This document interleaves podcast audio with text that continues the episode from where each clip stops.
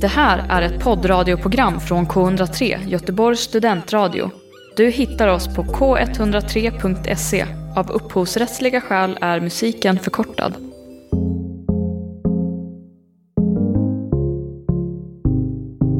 Hej och välkomna till Lyssnarnas trädgård, en podd på K103 Göteborgs studentradio. Med mig, Alva Rosengren. Och mig, Amanda Ekström. Hur mår du idag, Amanda? Um, jag mår ganska bra. Jag är väldigt... Uh, alltså jag har varit väldigt hudlös hela veckan. Ja, Jag pratade För- om det, om det här uh, häromdagen med det också. okej. Det är som att jag har lyssnat på Douglas Leon. Ja, Det vill säga, Dogge Dogge lite. ja, otrolig. Men det var en låt. Men uh, jag känner mig väldigt så här... uh, jag vet inte vad det alltså väldigt sårbar. Alltså som Mm. ett uh, litet, litet barn. Barn. Mm. Ja. Jag känner mig också väldigt sårbar den här veckan. Mm. Men det är det här att man kan liksom, alltså när man är så sårbar, det är fint att vara det på ett sätt, men det är också väldigt, alltså det kan göra lite ont också. Ja, det är inte alltid kul. Nej, man Men, är skyddslös eh, ja. liksom. Jag har också börjat, jag har börjat my- eller börjat. Jag har lyssnat mycket på Kent denna veckan. Ja, Vilket oj, vad var roligt. väldigt länge sedan jag lyssnade Ja. på Kent. Eh, men den musiken, eller deras musik, får mig också känna mig ännu mer sårbar. Ja. Mm. Men Ken tycker jag är ändå lite så här, de är lite, har en ganska hård, de är ganska cyniska liksom på något sätt. Ja, men det är i kombination med min, med lilla mig. Ja. Nej, men...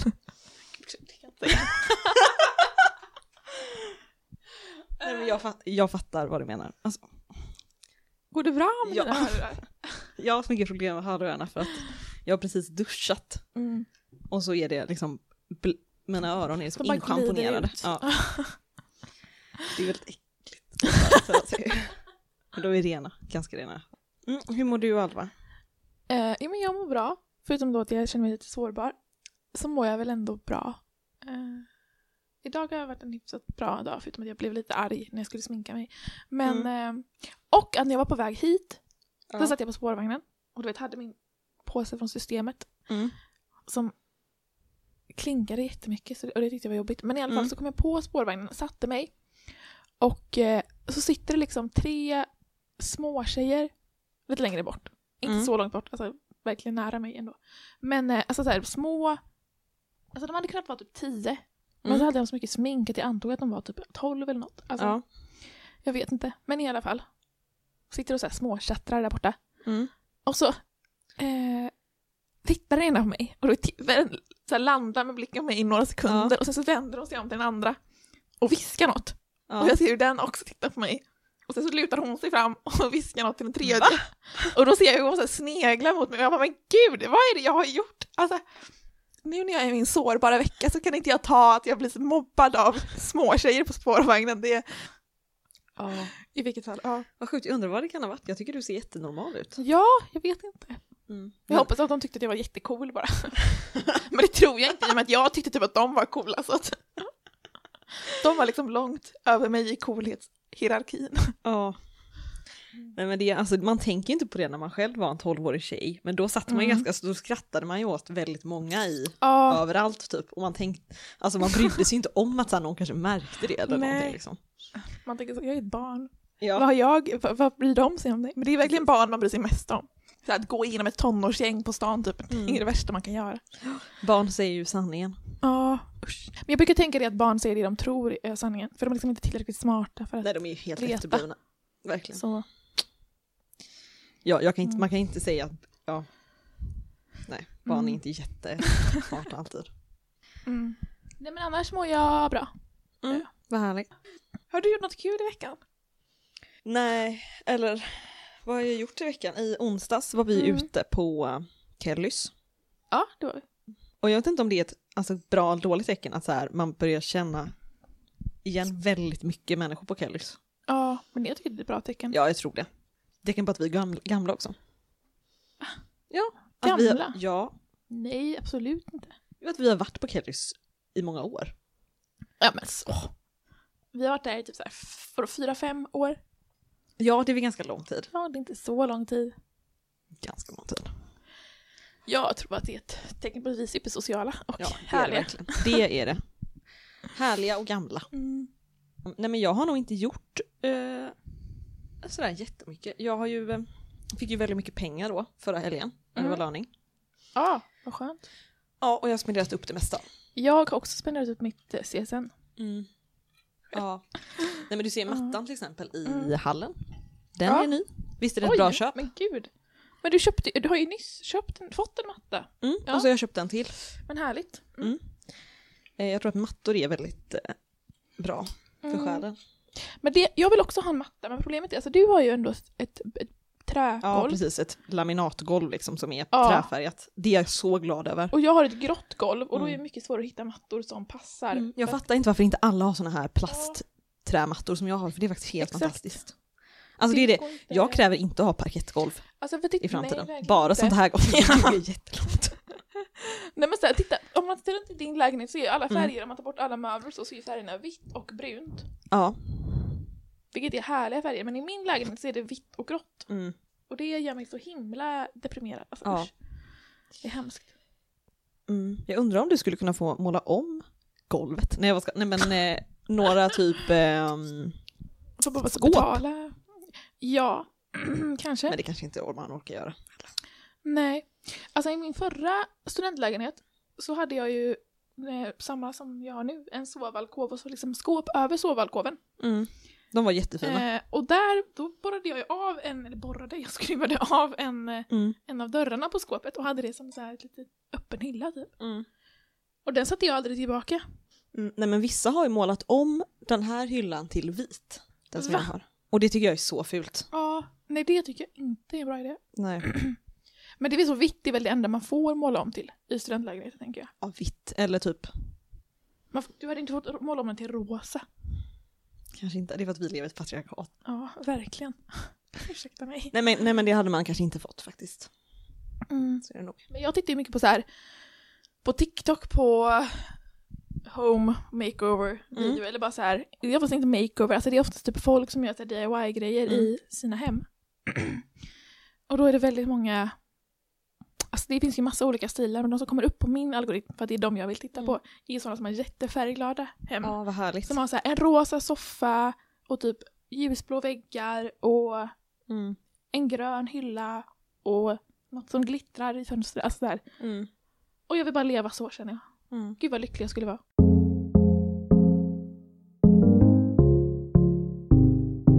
Ja, men ska jag börja med mitt samtalsämne som handlar lite grann, lite lifestyle samtalsämne. Ja.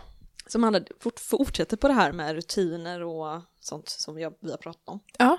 För det är nämligen att jag såg en, en tjej på YouTube som hade en titel som lockade mig. Mm. Som, handlade, som hette Soft Discipline. Känner du till det? Nej, Nej. det gör jag inte. Men det är liksom... Det låter tjejigt. Ja det är, det, men det är också typ så för personer som har så här problem. Nej men alla, men så här, det låter lite tjejigt. Jag tänkte bara på så här soft girl estetik typ. Då ska Ja. man ha soft disciplin i Ja, den typ. men det, precis, så eh, det är väl ganska tjejigt för det är inte det här maskulina, väldigt Mm. hårda, att man ska pressa sig själv jättemycket, utan Nej. det som det här softdisciplin är, som jag tycker är faktiskt jättebra inställning. Men det handlar ju om liksom, det är ganska kopplat till människor som typ jobbar hemma eller jobbar typ med ett eget företag eller är studenter och har mycket liksom Mm. fri uppläggning av sin, sitt arbete eller om man håller på med Ja. något eget projekt eller något vid sidan. Men så här, det är ju Mm. inte Oj. liksom eh, om man är typ jobbar på ett lager. Nej men för det som det är var den här youtuben, att hon Mm. berättade det att alltså hon har alltid varit en väldigt, Vad heter hon? Vet du det? det kommer inte jag ihåg, Okej. men jag kan ju eh, kolla upp det alldeles.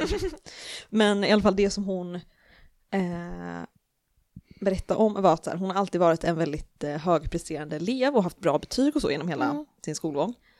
Men grejen var att det var alltid så att hon låg jättelångt efter varje skolår. Och sen typ i så här april, maj, Mm. då skärpte hon sig och så fick hon typ det bästa betyget av alla liksom. Eh, Och det hände typ varje år från att hon var liten liksom. Och då insåg hon väl att så här, det var hennes sätt att, alltså hon fick ju de resultaten hon ville ha. Mm. Men hon kände sig hela tiden ändå som en väldigt så här, dålig student för att hon låg efter väldigt mycket i början liksom. Mm. Ehm, men att liksom det man ska göra med sin disciplin är att ta reda på egentligen hur man själv rent naturligt arbetar typ och försöka anpassa Mm. efter det. Så att hon har typ, hon pluggar typ tre olika typ läkare, har en YouTube, alltså hon har liksom jättemycket the saker Ja. liksom. Eh, men hon säger det att hon har inga så strikta scheman eh, Mm. utan allting är bara typ så här, hon har bara hårda deadlines. Och det känner jag ju, alltså alla som är sådana som skjuter upp saker så länge som det går. Mm. För att så här, jag är ju sån i ganska stor utsträckning att jag är så här, ja men hemtenta eller vad det nu kan vara, att jag skjuter ju upp den så långt det går, men att jag Mm. ändå vet att jag hinner ändå alltid klart med den nästan. Ja. ja. Men det är bara det att då mår man ju dåligt när man inte gör det. Fast man Ja. typ vet att man kommer bli klar ändå, Ja. fast man mår också hata sig själv för att man inte börjar. Men det Ja. behöver man egentligen inte göra för att man kommer ju göra klart det sen. Bara det att Mm. man inte jobbar exakt som alla andra. Typ. Mm. Så det Ja. var liksom den poängen. Och det tyckte jag var ganska inspirerande, att man kan vara lite så här, inte så hard on Ja. sig själv. Jo men det är, alltså så här, ja, får man allting klart så gör Mm. det inget. Nej men för Egentligen. det som jag tänker är att en anledning till varför man skjuter upp saker, ännu- att det blir en ond cirkel av att man gör de här hårda schemana Mm. och så kanske man följer dem jättekort tid och sen misslyckas man och så blir man väldigt arg på sig själv, Mm. omotiverad. Och att i längden kan det här ge bättre resultat liksom. Att vara lite mer tillåtande mot ens egen naturliga... Ja, ja men det Sätt tror att jag. Alltså, så här, funka, och jag typ. tänker att så här, om man följer, så kan jag känna om man så här, följer, sätter upp så här, okej nu ska jag göra det här, plugga så här mycket varje dag typ. Mm. Ehm, och så följer man det och till sist blir man så här, släpper det och då gör man ingenting alls. Alltså, så här. För att om jag inte ska hålla mig till det jag gjort så behöver jag inte göra något alls typ. Alltså. Mm. Och då, istället för som du säger, bara följa det man, typ okej men nu har jag tid, nu har jag motivation, Mm. nu sätter jag mig. Mm. Och det är såklart om man liksom blir klar. Om, man inte, om jag hade varit sån som aldrig blev klar med saker så hade jag väl inte haft den inställningen. Men Nej men jag Jag tror brukar att både du och jag, jag känner, Mm. alltså både du och jag är ju sådana personer som, eller nu pratar jag för dig men att så här, Mm. du skjuter ju också upp saker ibland. Eh, men du blir, Ja, ju, alltså jag- du blir ju alltid klar ändå och får bra betyg och så liksom. ja, Men äh, sen så kan man ju alltid ångra sig och känna typ så här, men hade jag, tänk bara om jag hade jobbat så här hårt i en dag till. Då hade det ju blivit liksom det bästa ever typ. Men det kanske Ja. ändå inte man hade kunnat men göra. tycker jag liksom. typ, alltså jag ser liksom ingen korrelation till om jag lägger längre tid eller kortare tid på saker och hur bra de blir.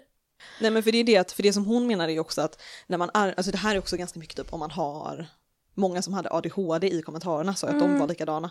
Men som är just att det handlar kanske inte om just den tiden utan mer om så här att när man verkligen är motiverad då gör man, jobbar man mycket mer effektivt. Mm. Ja, Eh, så att man kanske inte, ja.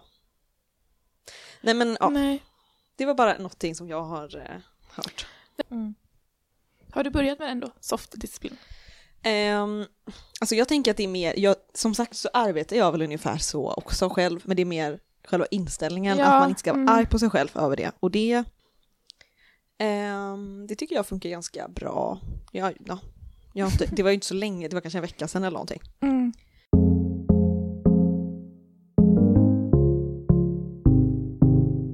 Jag såg ju den här eh, The Whale för några dagar sedan. Mm. Och The Whale är då en film av, han heter Darren Aronofsky. Mhm. Det är han som har gjort, eh, den jag hade sett innan av honom är den här Requiem of a Dream. Requiem, Requiem of a Det Dream. känner inte jag till. Film som typ handlar mycket om drogmissbruk och så, men väldigt känd film. Mm. Du hade nog känt igen soundtracket om du hörde det. Okay.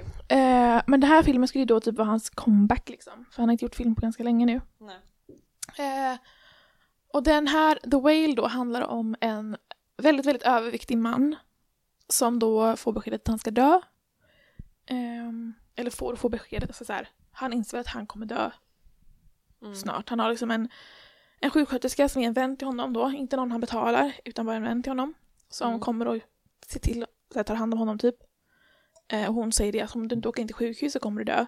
Och då säger han att han inte vill åka in till sjukhus för att han inte har pengar till att åka in till sjukhus. Mm. Eh, sen visar det sig att han har massa pengar. Mm.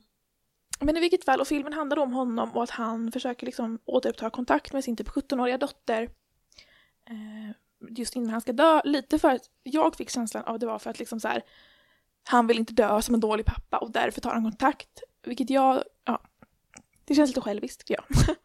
alltså att han tar inte kontakt med henne för att eh, han inser liksom att oj, jag har gjort fel, jag borde vara med i hennes liv. För han, har, det var inte, han får liksom ingen insikt om att han har gjort fel utan han har vetat det Mm. i flera år. Han har alltid vetat det, men det är bara nu när han är på väg att dö som han eh, faktiskt försöker göra något åt det. Och det känns väldigt mycket som att det är för hans egna skull då.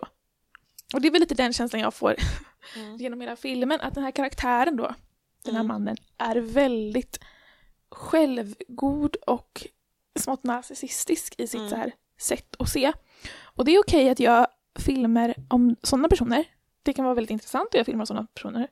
Men oftast vill man ju ha någon sorts liksom, karaktärsutveckling eller insikt från de personerna. Mm. Eller konflikt, alltså så här, även om han kanske inte hade fått någon insikt, att någon annan i filmen får någon insikt.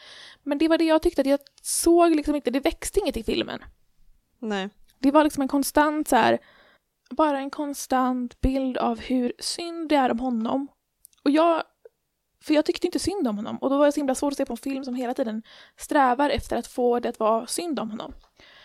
Och det är ju så att det visar ju många trauman som han har, typ att han, eh, anledningen till att han inte haft kontakt med sin dotter är att han lämnade sin, eh, ja men sin fru och sin dotter då, när hon var åtta, Mm. för att han var homosexuell och blev, blev tillsammans med en man då. Mm. Så man tycker ju synd om, alltså det finns ju många så sympatiska grejer som man alltså så här, förstår att han har varit med om väldigt mycket och man ser så här, okej men han har en grov ätstörning därför han väger så mycket som han gör. Mm. Ehm, men också att den ätstörningen, så här, sättet som de visar upp den Mm. är inte alls, liksom, känns inte alls så här. Det är liksom en scen i filmen där han hetsäter och det känns som att jag sitter, som man tittar på en skräckfilm. Mm. Alltså som att typ någon skulle bli mördad fast egentligen är det bara han som typ trycker i Mm. sig pizza. Mm. Så jag tyckte inte, men den här filmen har ju fått väldigt bra betyg, men den är ju, det är ju främst, jag har insett det nu för jag har liksom gått in och läst mycket Mm. reviews och så för varför har den fått så himla bra betyg, men den har ju mest fått bra betyg för att eh, han som spelar huvudkaraktären, han, det är han Brandon, vad heter han, Brandon Fisher, Brandon, Brendan, Brendan Fraser heter han. Okej, får jag se? Mm. Ja, men honom känner jag igen. Ja. Och han gör ett väldigt bra jobb, alltså han bär ju hela filmen skulle jag säga. Det är inte Mm. så att man, och den är ju väldigt här. Jag menar jag grät på slutet och det, det tror jag också är så här. Man gråter på den för att den tar upp så himla många så här jobbiga ämnen och det är väl här jag kommer till min poäng. Det jag Mm. vill liksom säga. Mm. Att man tar upp typ jobbiga ämnen och att man gör en film som är sorglig tycker inte jag nödvändigtvis gör att filmen är en bra film. Nej. Utan för mig blev det här liksom typ traumaporr. Mm. Och traumaporr då är liksom ett begrepp som kommer från ofta att, jag tror det började när man började tänka på det så handlade det väldigt mycket om att det skulle vara typ filmer som handlade om typ slaveriet. Ja. Alltså att det är så en film som är gjord för att vita personer ska kunna titta på den och så är det bara jättejobbigt för Okej, typ ja. svarta personer men den har ingenting att säga om typ Nej. dagens läge för svarta personer. Den har liksom ingenting Nej. som utvecklade. Eh, och sen så se, har väl det begreppet växt till så här, ja, men filmer som handlar om massa sorgliga saker utan att säga någonting och utan att skapa något. Och som på något Mm. sätt så här, Men lite typ som true crime eh, mm, kanske också. ja, men, ja men det kan jag säkert relatera till det. Mm. Att liksom, ehm, fattar, men det är också som att man- många av de här mm. handlar om karaktärer som är liksom utanför normen. Till exempel han här, en homosexuell Mm. gravt överviktig man. Mm. Det är hur många av dem som tittar på filmen och säger att den här är jättebra är Nej. grovt överviktiga homosexuella män. Förmodligen inte så många. Mm. Eh, och då känns det lite som så här, för jag började fundera på varför, varför tycker vi om så, här, så sorgliga filmer som inte säger någonting då? Mm. Om jag nu har teorin att den inte säger någonting. Det kanske är någon som tycker att den säger någonting, men jag har Mm. försökt så här, läsa på om den här filmen och jag har Mm. inte hittat någon som ger någon poäng på Nej. filmen. Utan bara att den är jättesorglig. Mm. Det är den verkligen. Alltså jag grät också jättemycket. Så Ja. att, eh, men ehm, varför tittar vi på, varför tittar vi på sorgliga filmer? Varför Ja. tycker vi om sorgliga filmer? Mm. Och så började jag fundera på om det beror på att när vi tittar på, för så kan jag känna att jag, att man tittar på sorgliga saker för att man vill gråta, Mm. men man vill inte behöva så acceptera att okej, men det här är jag ledsen över, den här känslan har jag och därför vill jag gråta. Så man tittar på något annat och så gråter man, alltså man får ut Mm. det här trycket liksom. Alltså om man, Ja. jag tror att de flesta vet det, så här, om man är ledsen över något och så går man runt med så här en klump i bröstet men man kan liksom Mm. inte släppa på det. Att då få en annan anledning att gråta, släpper Mm. liksom loss det.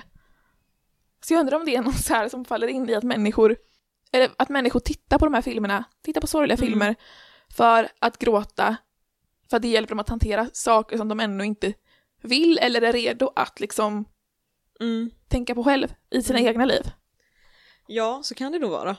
Alltså för jag har tänkt, jag tycker ju att det är väldigt så här ångestdämpande, men alltså som jag insett, innan har jag alltid varit väldigt anti true crime. Ja, Men så insåg jag, nu var inte jag, jag är fortfarande inget jättestort fan, men insåg att så här, det Mm. finns ju en ångestdämpande kvalitet av att lyssna på det. Ja. Och för det är ju just det här med att, lite samma som att se på en skräckfilm, någonting, att det är just det här med att man får utlopp för känslor, att se att man går runt med en känsla av typ att världen är hemsk till exempel, som kanske en Mm. ångestkänsla, att man har en sån, vissa dagar har man en sån känsla liksom. Mm.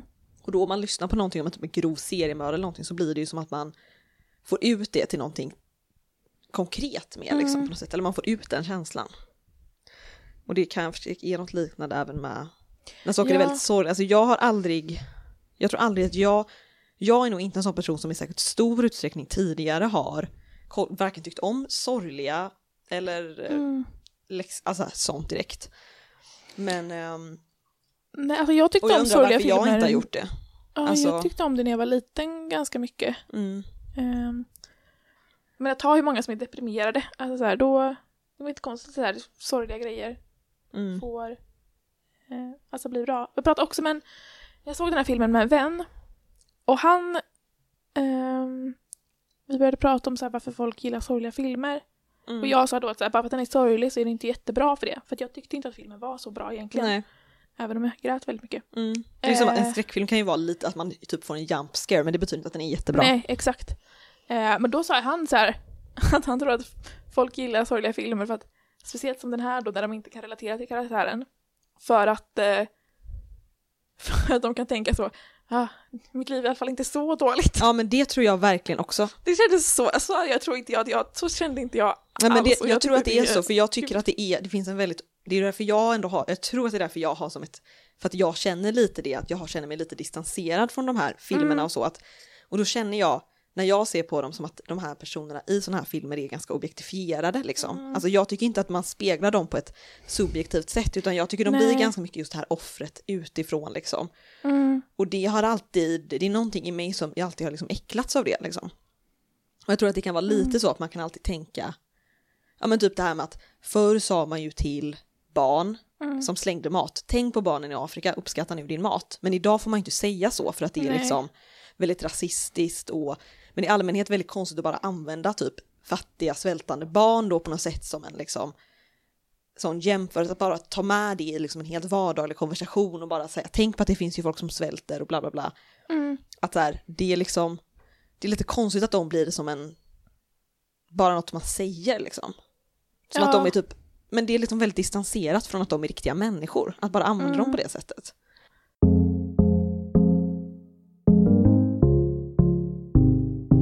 Vi har ju, på, vi har ju eh, lovat, utlovat att vi ska prata om lågkonjunkturen Ja, och framförallt om mode, eller jag hoppas att vi sa det, ja, för det är det jag vill Mm, prata om. okej, ja. Ja, Men jag eh, hänger Nej, men- på. Eh, det här är egentligen bara en ganska lösryckt tanke då, men, men som är liksom att jag har en känsla av att Nej, men det finns två sidor av det här myntet, liksom. Mm. eller fler kanske också, men det är två som jag har tänkt på. Som är här, nu går vi in i, alltså i Sverige så har vi minskar köpkraften i alla fall väldigt mycket Mm. eh, för vanliga svenskar liksom. Ja. Och det jag tycker, att, tycker mig känna av, typ när jag lyssnat på till exempel så här Elsa Billgren och eh, Sofia Woods podcast, de har, de har stilpodd, podd. Mm. där och lite andra, lite andra personer också, att jag får känslan av att så här, man går in i lågkonjunkturen, alltså nu pratar jag om stil, kläder och hem och sådär, Ja. att man går in i den här lågkonjunkturen med liksom typ så här, att det inte bara, att man ser det som att och nu ska vi liksom strama åt, alltså kläderna lite mer, det blir lite mindre, mindre smink, alltså man brukar Mm. prata om det här typ krigsläppstiftet typ, att så här, Mm. man väljer att eh, under typ andra världskriget att det var så trendigt att ha bara rött läppstift för att Mm. man det var liksom om man ska köpa en sminkprodukt så är det bäst att köpa ett rött läppstift för det är Mm. det som kommer ge mest effekt för minst pengar typ. Ja. Eh, men att här, man går in i det med lite så här, det finns någon slags, inte glädje men liksom så här att man, alltså då blir det som att det blir fokus på stil, ja men på att liksom det estetiska i att vara lite fattig typ. Ja. Eh, och jag tycker på ett sätt att det är helt normalt. Eller så här, Mm. det känns ju verkligen som en ganska naturlig reaktion. Eh, Mm. Men det känns också lite så här, som att man absolut inte tänker, för, för de människor som är övre medelklass, eh, så blir det kanske typ så här, ja ah, man får dra ner lite grann, inte köpa lika mycket och det kan kännas ganska, som när man börjar äta nyttigt, att det känns ganska fräscht, liksom, Mm. att typ, man äter mycket rovor och havregryn typ, det känns ju Ja. fräscht liksom. Men för människor som är, idag är fattigare. Ja. Som går ner liksom under det. För dem blir det ju inte alls fräscht. Nej, men jag märker också att så här, alltså det här att hålla på att analysera typ hur kommer våra trender påverkas av att det blir så här nu. Jag tror inte man kan så här, se det i förväg utan jag tror att man sen när något sker i modetrender så kan man säga ja men det kan ske på grund av det här. Exempelvis så vet jag att på så här på alltså runways, Eller catwalks, inte det samma ja sak? exakt, alltså på så här alltså high fashion, Mm. inte liksom kanske inte det vi har på oss men så här, riktiga modeller liksom. Ja, du kanske är så fancy men jag, det är faktiskt jag är ju fattig student som vi har pratat om här så att jag har inte råd med det men där har många slutat ha halsband på sig. Va? Vad Alltså många modeller har inte halsband längre. Och då, en analys är att det är för att det är, vi är i en lågkonjunktur. Mm. Och då blir det trendigt att vara mer, liksom man lägger inte pengar på accessoarer. Till skillnad från typ, alltså 2020, 2021, då var det liksom maximalism som var på väg in. Och nu tror jag vi är på väg ifrån det. Mm. Och det är nog liksom, handlar om så här ekonomi, Mm. tror jag. Det är det nog. Mm. Vad synd, jag som precis har börjat. Eller jag har alltid haft halsband på mig. Ja, Men jag menar, jag har precis köpt örhängen. men jag tycker fortfarande att halsband och smycken är mycket finare än utan. Jag tycker också det. att, Det är eh, jättefint. Ja, när jag tittar på bilder på de här modellerna utan halsband så tycker jag bara de ser absurda ut. Ja, det är så sjukt att inte ha det på sig. Ja. Nej, men jag tycker verkligen det är någonting man ska ha på sig om man vill känna sig fin och speciell. Mm.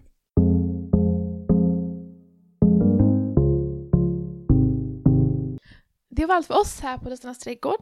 Eh, tack för att du har lyssnat. Vi är tillbaka om eh, två veckor med ett nytt avsnitt. Vi Puss. hörs då. Puss, hej!